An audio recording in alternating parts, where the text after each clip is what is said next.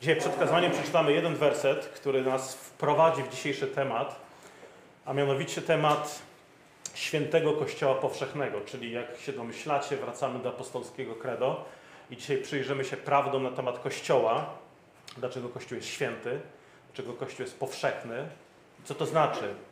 Ewangelia Mateusza, 16 rozdział, 18 werset. Pan Jezus mówi do Piotra, ci powiadam, że ty jesteś Piotr i na tej opoce zbuduję kościół mój, a bramy piekielne nie przemogą, nie przemogą go. Pan Jezus mówi, ja zbuduję kościół mój i bramy piekielne go nie przemogą. Panie, wyznajemy, że Twoje słowo jest prawdą. Uświęć nas, Panie, w Twojej prawdzie. Umocnij w niej, abyśmy wydawali owoce godne wiary, godne pamiętania. Amen. Częścią wyznania wiary są y, nie tylko prawdy o Bogu, nie tylko wyznajemy Boga Ojca jako Stworzyciela, nie tylko mówimy o Synu, który umarł i stał się człowiekiem, nie tylko mówimy o Duchu Świętym, tak ostatnio mówiliśmy, wierzę w Ducha Świętego, ale częścią credo są też prawdy na temat Kościoła. To brzmi dziwnie w dobie indywidualizacji wiary, w takich czasach, byśmy powiedzieli, negowania wspólnoty, w czasach nacisku na osobiste przeżywanie, osobiste doświadczenie. I znamy te stwierdzenia, tak? Mam Boga w sercu, więc po co mi Kościół? Kościół tworzą hipokryci, a ja nie chcę mieć z hipokryzją nic wspólnego. Dla Boga liczy się szczerość, a nie forma. Ale ciekawe, że właśnie Credo mówi wierzę w święty Kościół powszechny. A takie stwierdzenia, które przykładowo cytowałem, one równie dobrze mogły padać w czasach Jezusa. One mogły padać też w drugim wieku, kiedy credo było formułowane przez Kościół, a jednak Pan Jezus i za jego przykładem apostołowie, pierwsi chrześcijanie wskazywali na y, znaczenie Kościoła. Znaczenie Kościoła w, naszym, w naszej wierze. I to wskazywali na to znaczenie w taki sposób, że Kościół nie jest dodatkiem do naszej wiary.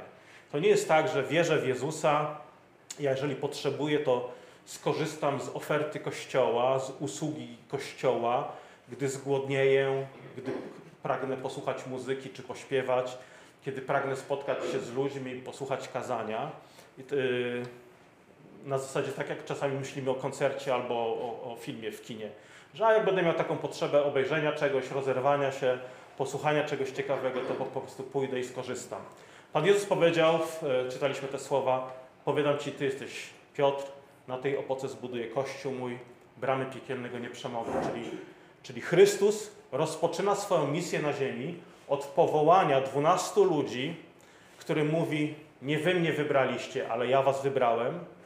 I po Jego odejściu do nieba, tych dwunastu apostołów wraz z prorokami założyło fundament Kościoła, na którym my jako żywe kamienie się budujemy, wznosimy tą duchową budowlę, świątynię Bożą, której kamieniem węgielnym jest sam Pan Jezus.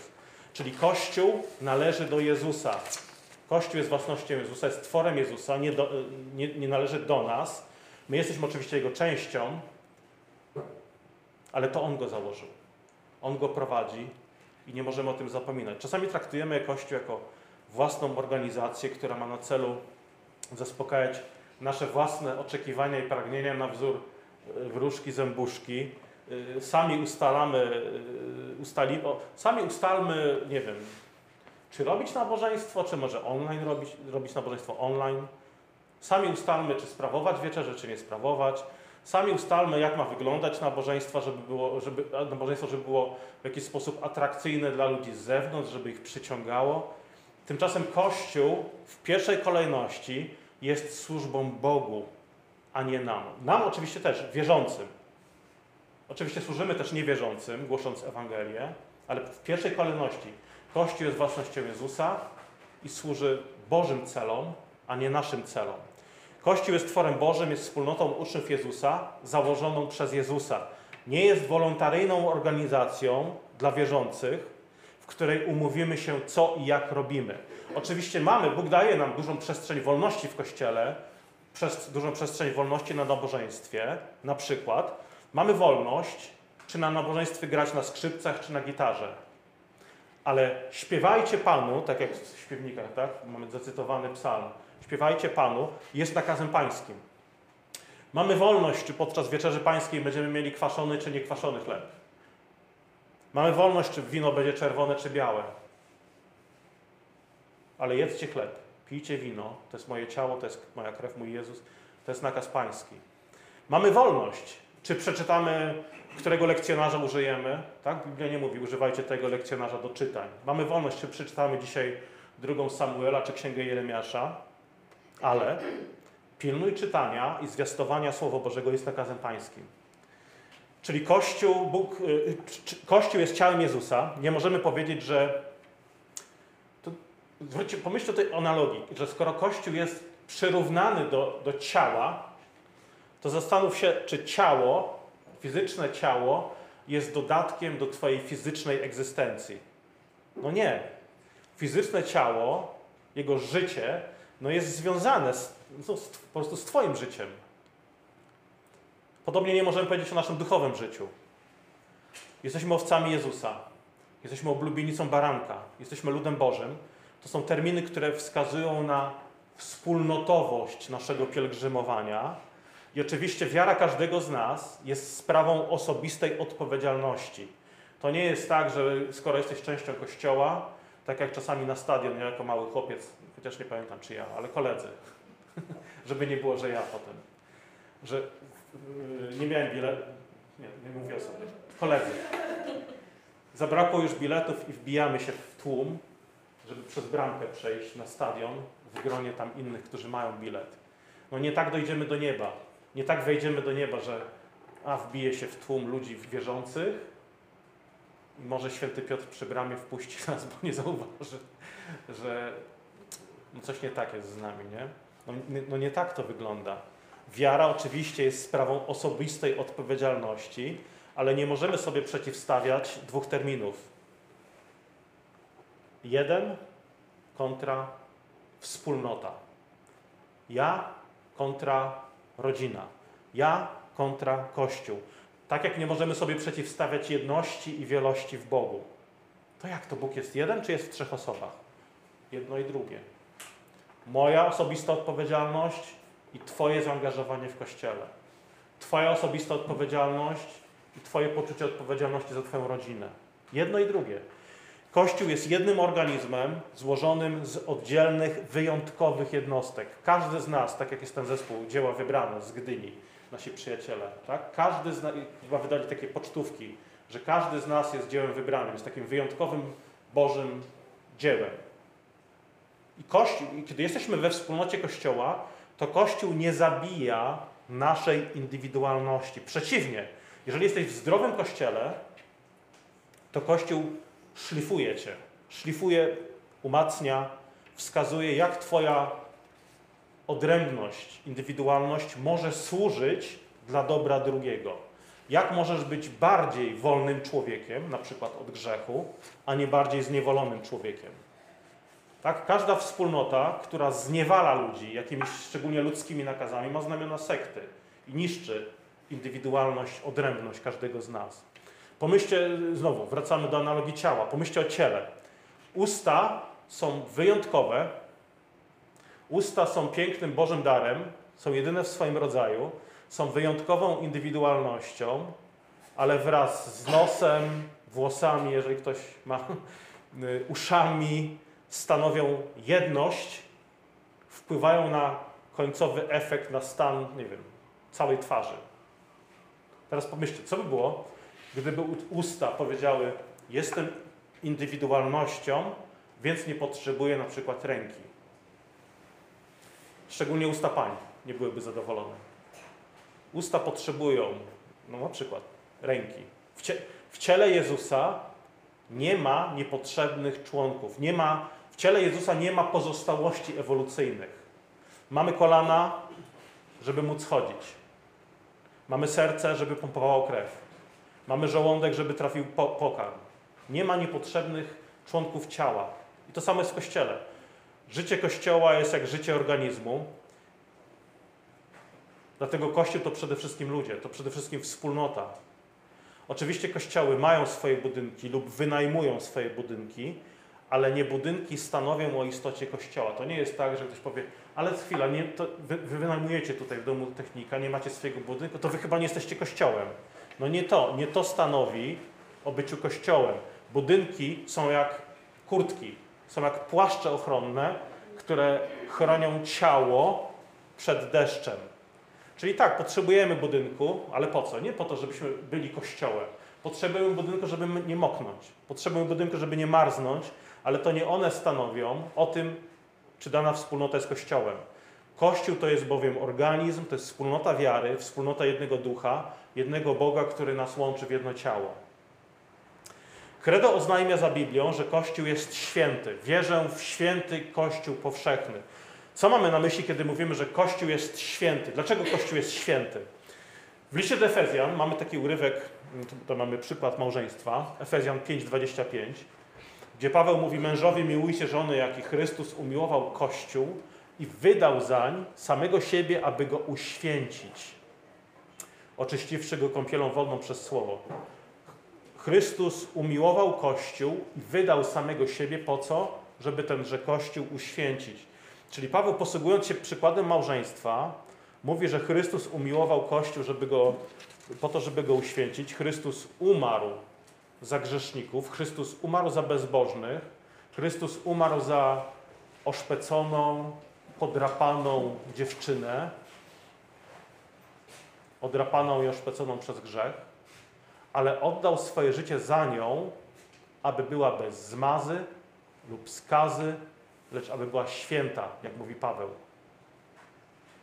Czyli mówimy, że Chrystus jest święty, oblubienica, czyli my, ponieważ Chrystus jest święty. Chrystus uświęca nas swoim słowem, czyli pamiętajmy, że zawsze, kiedy mówimy Kościół jest święty, to ze względu na to, że nie jest to nasza własna świętość, ale jesteśmy uświęceni świętością Jezusa. Można powiedzieć, że to jest Chrystus przyoblekł nas w płaszcz świętości. Czyli tak, my jesteśmy grzeszni, Kościół tworzą grzeszni ludzie, ale Kościół został uświęcony przez Jezusa, ponieważ On jako oblubieniec oddał życie za oblubienicę. I oczywiście ta świętość Jezusa powinna się przejawiać w naszym życiu. Skoro Jezus przyoblekł nas w szatę świętości, to to nie jest tak, że to jest tylko formalne. Aha, to my jesteśmy grzesznika, grzesznikami, możemy sobie grzeszyć i tak dalej. I tak Jezus przyoblekł nas świętością i tak jesteśmy święci. Nie, ta świętość Jezusa powinna się przejawiać w naszym życiu. Ta świętość powinna być widoczna w tym, jak żyjemy, jak się do siebie zwracamy. Jeżeli masz płaszcz świętości Jezusa, to nasze zachowanie powinno być inne, ono się powinno zmienić. Będziesz chciał postępować tak, żeby wyrażać to, kim jesteś w Chrystusie. Czyli Jezus się przeoblekł, przeoblekł płaszczem świętości, więc żyj jak święty. Tak? Mówiliśmy o tym na obozie. List do Efezjan. Jesteście święci, więc żyjcie jak święci. Jeżeli nie żyjesz jak święty, to zaprzeczasz temu, kim jesteś w Chrystusie, albo objawiasz, że tym świętym nie jesteś, że, że, że, że dalej żyjesz w ciele, że dalej żyjesz w grzechu. Kościół jest więc święty i posiada, tak, Kościół posiada autorytet z nadania Jezusa, ale pamiętajmy, to nie jest autorytet absolutny. Kościół posiada pewne obietnice, a innych nie. Na przykład, Kościół posiada obietnicę, że bramy piekielne nie przemogą go. To jest ta obietnica, którą Jezus dał Piotrowi. Co to oznacza? Oznacza to, że nie będzie takiego czasu w historii, kiedy Kościół przestanie istnieć, kiedy zło wyprze Kościół, kiedy Kościoła nie będzie na ziemi. Że wręcz Jezus obiecuje tu sukces, jeśli chodzi o sianie, o, o misję Kościoła, ewangelizację. Kościół posiada obietnicę, że jest i będzie święty, powszechny i jeden. Natomiast Kościół nie posiada obietnicy bezgrzeszności. Nie? Niektórzy z takim oczekiwaniem idą do Kościoła. Ja oczekuję teraz, że jak pójdę do Kościoła, to spotkam po prostu aureol, ludzi z aureolami nad głowami, takich świętoszków, nieomalże bezgrzesznych. Kiedy okazuje się, że jednak tak nie jest, to są ludzie, którzy po prostu idą z powrotem do świata. A ja oczekiwałem, że to będą bezgrzeszni ludzie. Nie. Jeżeli przychodzisz do kościoła, oczekuj, że to będą grzeszni ludzie, którzy wypowiedzieli wojnę grzechowi, którzy ten grzech uśmiercają, nie są z niego wcale zadowoleni, wypowiadają wojnę grzechowi. Jak? Wyznając go, odwracając się od niego. Dalej, Kościół nie posiada obietnicy nieomylności. To nie jest tak, że wszystko, co formuje Kościół w sposób autorytatywny, ex cathedra i tak dalej, jest z gruntu rzeczy, z definicji nieomylne. Nie. Kościół nie ma obietnicy nieomylności. Ma obietnicę wytrwania, ma obietnicę zwycięstwa Ewangelii w historii, tak jak czytaliśmy dzisiaj o tym ziarnie gorczycznym, które się rozwija. Kościół nie posiada nawet nieomylności, yy, nie przepraszam, nie posiada obietnicy, rozłam, yy, że nie będzie rozłamów. Tak, że mogą być i już w czasach apostolskich były grzechy przeciwko jedności. Wierzymy nie tylko w święty Kościół, wierzymy też Kościół powszechny. Powszechny, czyli katolicki. Słowo katolicki oznacza, słowo, oznacza właśnie powszechny. Słowo katolicki to jest, oznacza, oznacza uniwersalny, można powiedzieć. Przeciwieństwem słowa powszechny czy katolicki jest plemienność, izolacjonizm i sekciarstwo. W czasach reformacji doszło do debaty i, co by nie mówić, podziału Kościoła. Była, pojawiły się dwie frakcje, można powiedzieć. Była frakcja rzymskokatolicka i była frakcja protestujących katolików, czyli nasza. Obie frakcje twierdziły, że reprezentują jedną prawdziwą katolicką i apostolską wiarę. To się dzieje do dzisiaj. Ale pomyślmy przez chwilę. Jeżeli ktoś nazywa swo, swoją tradycję, swoją wspólnotę Kościół rzymskokatolicki, to samo to pojęcie to jest oksymoron. To jest oksymoron. Tak? Rzym to jest miasto we Włoszech, a katolicy, katolicki oznacza powszechny. Więc jak to jest? Nie, nie, nie można być kościołem rzymsko-powszechnym. Nie można być kościołem reformowano-powszechnym. Albo masz podejście katolickie, czyli powszechne, masz powszechne zrozumienie Kościoła, albo własny nurt konstantynopolitański, jakiś tam nicejski, rzymski, genewski, wittenberski traktujesz jako jedyny, poprawny i na przykład nie dopuszczasz innych chrześcijan do stołu pańskiego, albo wymagasz od innych chrześcijan powtórnego chrztu. No to, są, to, są, to są grzechy przeciwko jedności. I oczywiście, jeśli chodzi o protestantów, też, y, jeśli chodzi o nazwę, łatwo pomyśleć, że protestanci, samo słowo protestanci są definiowani przez to, prze, y, y, czemu są przeciwni. Kiedy, y, kiedyś, y, jak mi, no, co, staramy się co roku mieć jakieś eventy, czy to ścianę pytań i odpowiedzi, czy to stoisko na głównym mieście. I kiedyś mieliśmy taki billboard protestanci w Gdańsku. Używaliśmy go przez 2-3 lata. Y, w pewnym momencie zrezygnowaliśmy, dlatego że wprowadzał w dwa rodzaje błędów. Pierwszy błąd polegał na tym, że ludzie myśleli, że to jest jakieś stoisko informacyjne na temat historii Gdańska. Że daj mi pan tutaj jakieś historię, że protestanci byli w Gdańsku, tak, w XVI-XVII wieku, daj mi jakąś ulotkę, o tym sobie tam poczytam, nie? I, i, I, z tego powodu też zrobiliśmy taką ulotkę, ale powiedzieliśmy, nie po to tu jesteśmy. Jest miejsce oczywiście też na to, żebyście poznawali historię Gdańska, ale przede wszystkim głosimy tę Ewangelię. Jesteśmy kościołem protestanckim, jesteśmy w Gdańsku, więc mamy billboard protestanci w Gdańsku. Ale yy, przychodzi, przy, większość ludzi, myślałem większość, część ludzi, sądziła, że to jest jakaś akcja polityczna przeciwko władzy. Przeciwko czemu protestujecie w Gdańsku? Przeciwko prezydentowi Adamowiczowi pewnie, tak? Czyli jesteście protestującymi, tak? Tutaj protestujecie w Gdańsku. Czyli no, jest coś takiego, że ludzie, którzy nie znają jakby źródła tego słowa protestanci, myślą, że słowo protest no właśnie oznacza sprzeciw, nie? Ale określenie protestanci oznacza, yy, że jesteśmy bardziej pro, pro, jesteśmy pro, a nie anty. Pomyślcie na przykład o słowo proklamacja, które oznacza publiczne oświadczenie o, o wielkim znaczeniu, wielkiej wadze. Nasi ojcowie reformacji nie tyle pikietowali, co właśnie zeznawali, składali proklamacje. Tak? Oczywiście również protestujemy przeciwko błędnym dogmatom czy przeciwko grzechowi, ale protest nie jest czymś, co, jest, co, co nas definiuje. To nie jest istota kościołów protestanckich. Raczej coś proklamujemy, coś zeznajemy, coś oświadczamy, ogłaszamy, oświadczamy w pozytywnym sensie. Kościół powszechny to jest wspólnota chrześcijan zgromadzonych właśnie w różnych, że tak powiem, tradycjach, w różnych zborach, różnych parafiach, które należą do różnych denominacji i tradycji. To, co łączy te poszczególne parafie, a więc wierzących w nich zrzeszonych, to jest wiara w Ewangelię, to jest wiara w Trójcę Świętą, Ojca, Syna i Ducha Świętego. Dlatego nasze myślenie o Kościele, ono musi być powszechne. Nie oznacza to, że głosimy, a to wszystko jedno, w, którym, w której parafii jesteś, w którym zboże wzrastasz. Tak? Nie mówimy, że skoro ręka jest złączona z nogą, z nosem i głową, to wszystko jedno, czy ta ręka jest zdrowa, czy chora. Wszystko jedno, czy jest poraniona, czy jest w pełni sprawna. To ma znaczenie.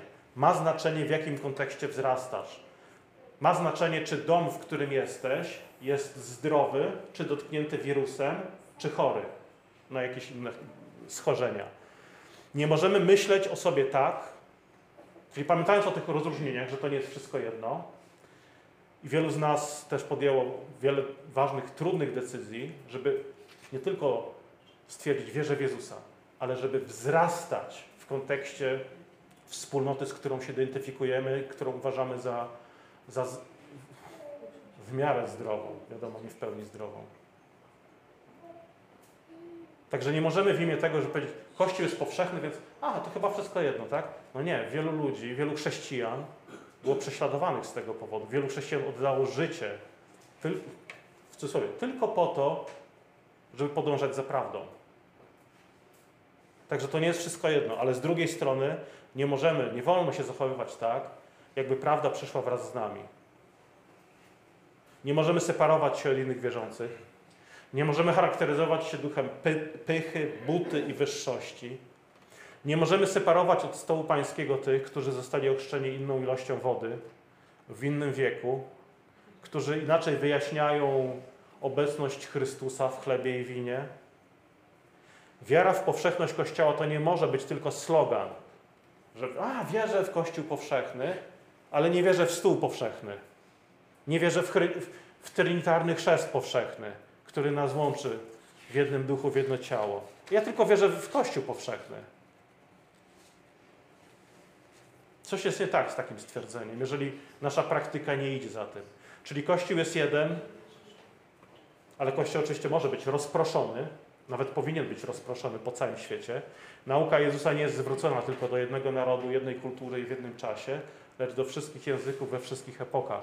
Niechaj cała ziemia, mówi psalmista, korzy się przed Tobą. Niechaj cała ziemia korzy się, Panie, przed Tobą. A przyczyną jest to, że nauka Jezusa jest wszechogarniająca, obejmująca całe nasze doświadczenie, odpowiadająca na wszystkie nasze pytania, zwrócona na całe nasze życie. Czyli Kościół jest różnorodny, ale jest jeden. Jest jednym organizmem różnorodnym jak nasze ciało. I o tej jedności Kościół jest jeden, ale nie dlatego, że Kościół ma jakąś jedną kwaterę, ma jakąś jedną strukturę, ma jakieś jedno centrum dowodzenia, ale łączy nas, tak jak Paweł mówi w Efezjan, jeden Pan, jedna wiara, jeden chrzest. Jeden Pan, jedna wiara, jeden chrzest. Jedności, niektórzy sądzą, że skoro Kościół posiada różne denominacje, to rozwiązaniem tego problemu, uważają to za problem, jest zapędzenie wszystkich pod jedną strukturę, pod jedną nazwę, zapędzenie wszystkich do jednej organizacji jednego miejsca. Problem w tym, że zapędzenie ludzi do jednego miejsca nie wyprodukuje żadnej jedności, ale wyprodukuje tłum ludzi. Żadną jedność. Tłum na pewno, będzie dużo ludzi, których niekoniecznie łączy Ewangelia. Jedność Kościoła przyrównałbym, myślę, że o jedności łatwiej jest nam myśleć, kiedy pomyślimy o naszych rodzinach. Każdy z nas ma jakieś rodziny, ma jakichś wujków, ciocie, kuzynów i tak. Yy, mamy też dzieci, siostry, rodziców i tak. Część naszej rodziny może powiedzieć jest nam bliska, mieszkamy razem, tak, mama, tata, mąż, żona, dzieci. Ale mamy też rodzinę kuzynów, szwagrów i tak dalej. Tak, to też jest rodzina. Może dalsza, może z niektórymi się nie do końca dogadujemy, jak powinno być. Nie tak często widzimy jak z innymi, ale to też jest rodzina. Jedność Kościoła porównałbym do rodziny, porównałbym na przykład do jednego Izraela, podzielonego na 12 plemion. Można powiedzieć, był jeden Izrael, był jeden Kościół i 12 denominacji. Mogą być bardziej lub mniej wierne denominacje, mogą być jedne bliżej siebie niż inne, ale wspólnie tworzymy, jeżeli trwamy w Ewangelii, w wierze w jednego Boga, jeden lud. Niekiedy słyszymy zarzut naszych katolickich przyjaciół, że ale jak, wy, wy mówicie credo, wierzę w jeden święty, powszechny Kościół. Jak możecie wierzyć w powszechność Kościoła, skoro, skoro wasze, wasze zbory, wasze, wasze denominacje wywodzą się z XVI wieku? To jak, gdzie, to, gdzie, przepraszam, gdzie był wasz Kościół przed XVI wiekiem? Przed Lutrem? I słuchajcie, to, to, to jest dobre pytanie, to nie jest głupie pytanie, to jest zasadne pytanie i istnieją dwa dobre protestanckie odpowiedzi na to pytanie. Pierwsza odpowiedź wskazuje na tak zwany szlak krwi. Czyli gdzie byliśmy przed reformacją? Na przykład ukrywaliśmy się przed wami w górskich jaskiniach, dolinach, lasach, jaskiniach, niczym prorok Eliasz przed mającym sukcesję królów Achabem. Ale to prorok Eliasz był spadkobiercą wiary Abrahama, Izaaka, Jakuba, a nie mający sukcesję z namaszczenia król, Elia, y, król Achab. Czyli jedna, tutaj wskazujemy na szlak krwi, natomiast druga odpowiedź wskazuje na ciągłość Kościoła i brzmi tak. A gdzie była Twoja twarz, zanim ją umyłeś? Otóż Twoja twarz była cały czas w tym samym miejscu, gdzie jest teraz, tylko że była brudna. Czyli nasza historia przed XVI wiekiem była dokładnie tam, gdzie historia Kościoła rzymskokatolickiego, ale to była również niechlubna historia. Czyli kiedy mówimy, że nasza historia to też wasza historia, wcale nie jest taka wesoła za każdym razem, i w każdym etapie. W tej odpowiedzi chodzi o to, że nie chcemy dawać do zrozumienia, że nasz Kościół powstał w 1517 roku w Niemczech albo później w Genewie. Czyli to nie jest tak, że wierzymy w 16 stuleci ciemności, że po okresie apostołów Kościół wymarł i nagle się narodził w 1517 roku, kiedy Luther przybił tezy do drzwi katedry w Wittenberdze. Nie wierzymy w coś takiego jak odrestaurowanie Kościoła po wiekach ciemności, w to wierzą na przykład świadkowie Jehowy czy adwentyści Dnia Siódmego. Że był sobie Kościół apostolski, poumierali apostołowie i nagle wielka, ciemna dziura przez 16 wieków, no nawet dalej, bo oni powstali, te nurty w XVIII i XIX wieku. A nagle ciemna dziura w historii do momentu, kiedy wyłania się tam, nie wiem, y, pan Russell, założyciel Świadków Jehowy, albo Ellen White, założycielka adwentystów. Także nie, nie wierzymy w takie, albo mormoni, tak, że, że nagle jakieś objawienie po, po, po, po 18 stuleciach, że nie było kościoła, to nagle pan Joseph Smith doznał jakiegoś objawienia w lesie.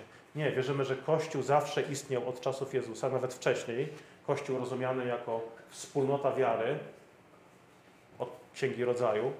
Jeżeli Twój Kościół nie wywodzi się z wiary i męczeństwa Abla, no to jest zbyt młody. Musimy właśnie tam, tam szukać początków u, u, u Adama i Ewy, potem u wiernego Abla. Prawda nie przyszła wraz z nami. Natomiast ci, którzy chcą spierać się wyłącznie na podstawie starożytności, ale, ale my jesteśmy starsi, ale nasz nurt jest starszy, no to musimy pamiętać, że tak, Kain był starszy. Kain był starszy od Abla. Mój kościół jest starszy od Twojego. No tak, Kain był starszy od Abla i nic dziwnego, że mnie prześladujesz. To dzieje się od samego początku. Ale ważne jest to, nie powinniśmy odcinać się czy wstydzić się takich ludzi jak Bonifacy, Chryzostom, Augustyn, Anselm. Jesteśmy częścią właśnie tej historii. Odkupienia, które obejmuje ojców Kościoła, średniowiecze, renesans, obejmuje czas chwały i czas grzechów Kościoła. Obejmuje reformację, duchowe przebudzenia. Czyli historia Kościoła to jest nasza historia, między innymi nasza, nie tylko nasza, ale między innymi nasza. To, to nie jest tylko historia Kościoła do III wieku, to jest cała historia, podobnie jak historia Izraela. To nasza historia. Paweł y, wobec Izraelitów, którzy wyszli z Egiptu, i zasłali później ciałami pustynię, czyli nie weszli. Wyszli z Egiptu, ale nie weszli do ziemi obiecanej. On ich nazywa naszymi ojcami. Nie mówi, a to byli pogani, to byli niewierzący. Nie, to byli nasi ojcowie, tam jest nasza historia. Nasi ojcowie, yy, i to nie w tym sensie, to nie są nasi ojcowie w tym sensie, że podpisujemy się pod ich grzechem i nieposłuszeństwem. Są to nasi ojcowie w tym sensie, że należą do tego samego ludu. Ich Bóg to nasz Bóg. Tylko, że problem jaki jest? Że nie wszyscy, którzy wyszli, weszli. Ukończyli bieg. Czyli hist na nawet historia grzechów Kościoła katolickiego przed XVI wiekiem, historia grzechów papiestwa, to też nasza historia. I to nie w tym sensie, że się utożsamiamy z nią, ale w tym sensie, że grzechy papiestwa, grzechy protestantów również, żeby tutaj zachować jakiś balans, to są grzechy Kościoła powszechnego. Dlatego jesteśmy protestującymi katolikami. Nie podobają nam się błędy i grzechy w Kościele. Czasami ludzie pytają, ale dlaczego cię, to, dlaczego cię to obchodzi w ogóle? Dlaczego ty mówisz grzechy papiestwa? Dlaczego piszesz na swoim blogu, blogu o, nie wiem, liberalizmie gdzieś tam w kościele luterańskim, o ordynacji kobiet w, w kościele zielonoświątkowym? Przecież to, to nie są twoje kościoły, przepraszam. Dlaczego, dlaczego, ty, się, dlaczego ty w ogóle się tym zajmujesz? No odpowiedź jest taka, owszem, to nie jest, to nie jest mój kościół w sensie mojej denominacji, ale to jest mój kościół.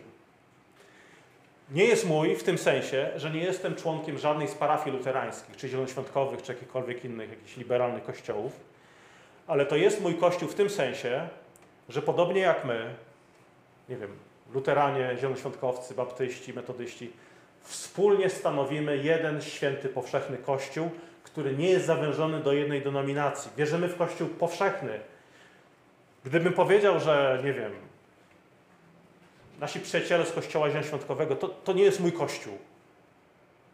No to wyraziłbym w ten sposób plemienie, myślenie plemienne, a nie powszechne.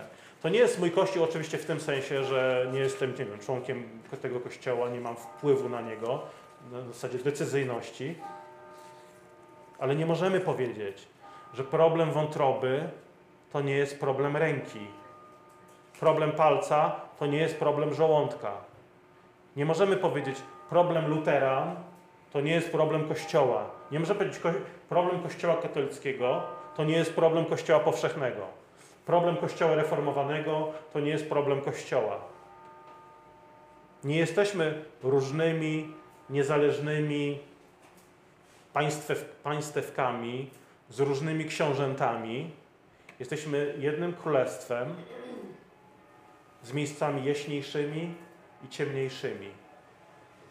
Jeżeli chcemy rzucić światło na te ciemniejsze miejsca, to właśnie dlatego, że są one częścią Kościoła. I musimy zacząć rozmawiać ze sobą jak bracia. To są rozmowy w rodzinie. Ale też nasze konfesje, konfesje reformacji podkreślały też to, że odstępstwo również w Kościele, bo pamiętajcie, Kościół nie ma obietnicy bezbłędności poszczególne nawet parafie nie mają obietnicy wytrwania w wierze. Obietnicę ma Kościół powszechny, a nie ten czy ów zbór. Więc odstępstwo może sięgać tak daleko, że dany Kościół może już stać się wręcz synagogą szatana, a nie Kościołem Bożym. To odstępstwo może sięgać już tak daleko, że nie możemy powiedzieć, słuchajcie, mamy jedność z wami w Ewangelii. No nie, no jaką Ewangelię głosicie? Może macie szyld Kościół nad waszym budynkiem, ale przepraszam bardzo, ale co jest waszym autorytetem ostatecznie? Jaką Ewangelię głosicie? Dokąd ludzi prowadzicie? Ale z drugiej strony musimy pamiętać, żeby takich ocen nie wydawać zbyt pochopnie. Kościół jest jak roślina, która wyrasta z nasienia, a tym nasieniem jest Ewangelia. Piotr mówi, odrodzeni nie z nasienia skazitelnego, lecz z nie, nie, niezniszczalnego, przez Słowo Boże, które żyje i trwa na wieki. Jesteśmy odrodzeni z nasienia nieskazitelnego, z Ewangelii. Gdziekolwiek jest głoszona Ewangelia, gdzie przychodzi Ewangelia, po niej przychodzi życie. Kościół wyrasta z Ewangelii, a nie z tego, że sobie zrobimy jakąś jedną strukturę, nazwiemy to, nie wiem, Kościół powszechny, zapędzimy tu wszystkich, ale już mniejsza z tym, co głosimy i w co wierzymy. Ewangelia stoi ponad Kościołem, czy właściwie Kościół wyrasta z Ewangelii. Ewangelia stoi ponad apostołami, biskupami, pastorami, ewangelistami, już nie mówiąc o szarlatanach czy oszustach.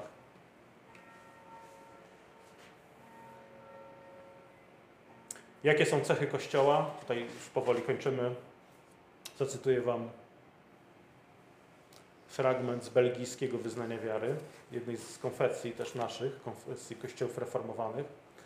Cechy służące rozpoznaniu prawdziwego Kościoła to wykład czystej doktryny Ewangelii, jasne sprawowanie sakramentów, jak to zostało ustanowione przez Chrystusa, praktykowanie dyscypliny w karceniu grzechu, czyli pokrótce zarządzanie wszystkim zgodnie z nieskalanym Słowem Bożym, odrzucenie wszystkiego z nim sprzecznego i rozpoznanie Jezusa Chrystusa jako jednej głowy Kościoła.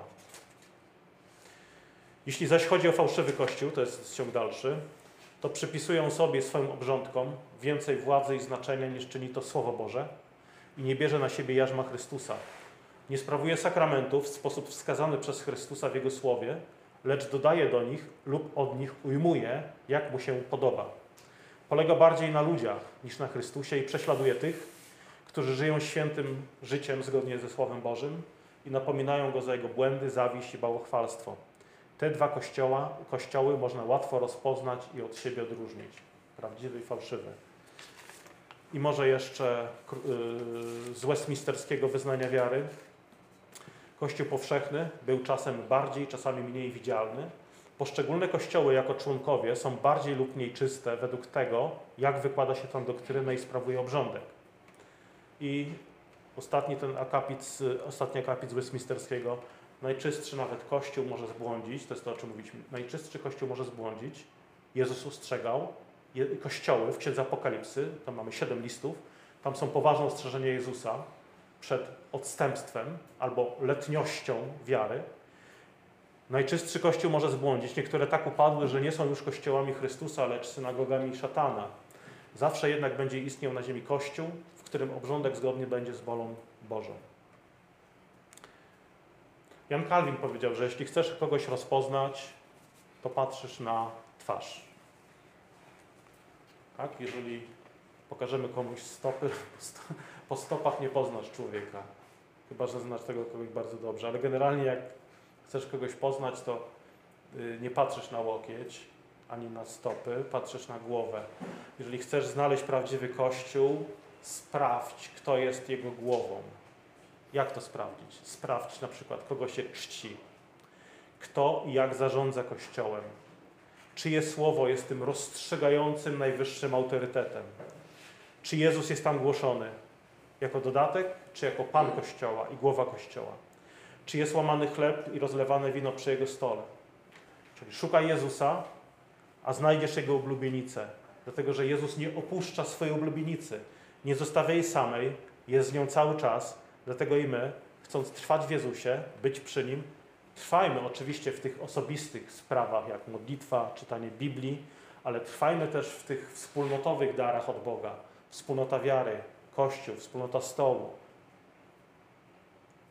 Kochaj Kościół, mimo słabości i niedoskonałości. Pamiętaj, że Twoja niedoskonałość jest niedoskonałością Kościoła. Zanim skrytykujesz Kościół za niedoskonałość, pamiętaj, że Ty, będąc jego częścią, wpływasz na ową niedoskonałość. Ja wpływam na ową niedoskonałość. Twoja obecność i zaangażowanie ma wpływ na stan całego ciała. Pamiętaj, że nie ma w Kościele zbędnych członków. Służ w ciele, w Kościele, darami, które masz. Jesteśmy różni, jesteśmy inni, każdy z nas ma wyjątkowe obdarowania, inny charakter, inne talenty. Służ tym, czym Bóg Cię obdarzył. Ku Bożej chwale, ku Jego chwale, ku naszemu wspólnemu umocnieniu. Pomóżmy się. Panie, dziękujemy Tobie, że posilasz nas pokarmem Twojego słowa. Dziękujemy Tobie za Kościół, który nie jest ludzkim tworem, chociaż tworzą go ludzie, tworzymy go my, często popękane, niedoskonałe, grzeszne naczynia. Ale przede wszystkim, Panie, mamy ten w sobie, ten, ten skarb, e, który nas przemienił, który niesiemy światu, skarb Ewangelii, skarb dobrej nowiny, która przemienia, przemienia nas z grzeszników w świętych, ze zgubionych w odkupionych.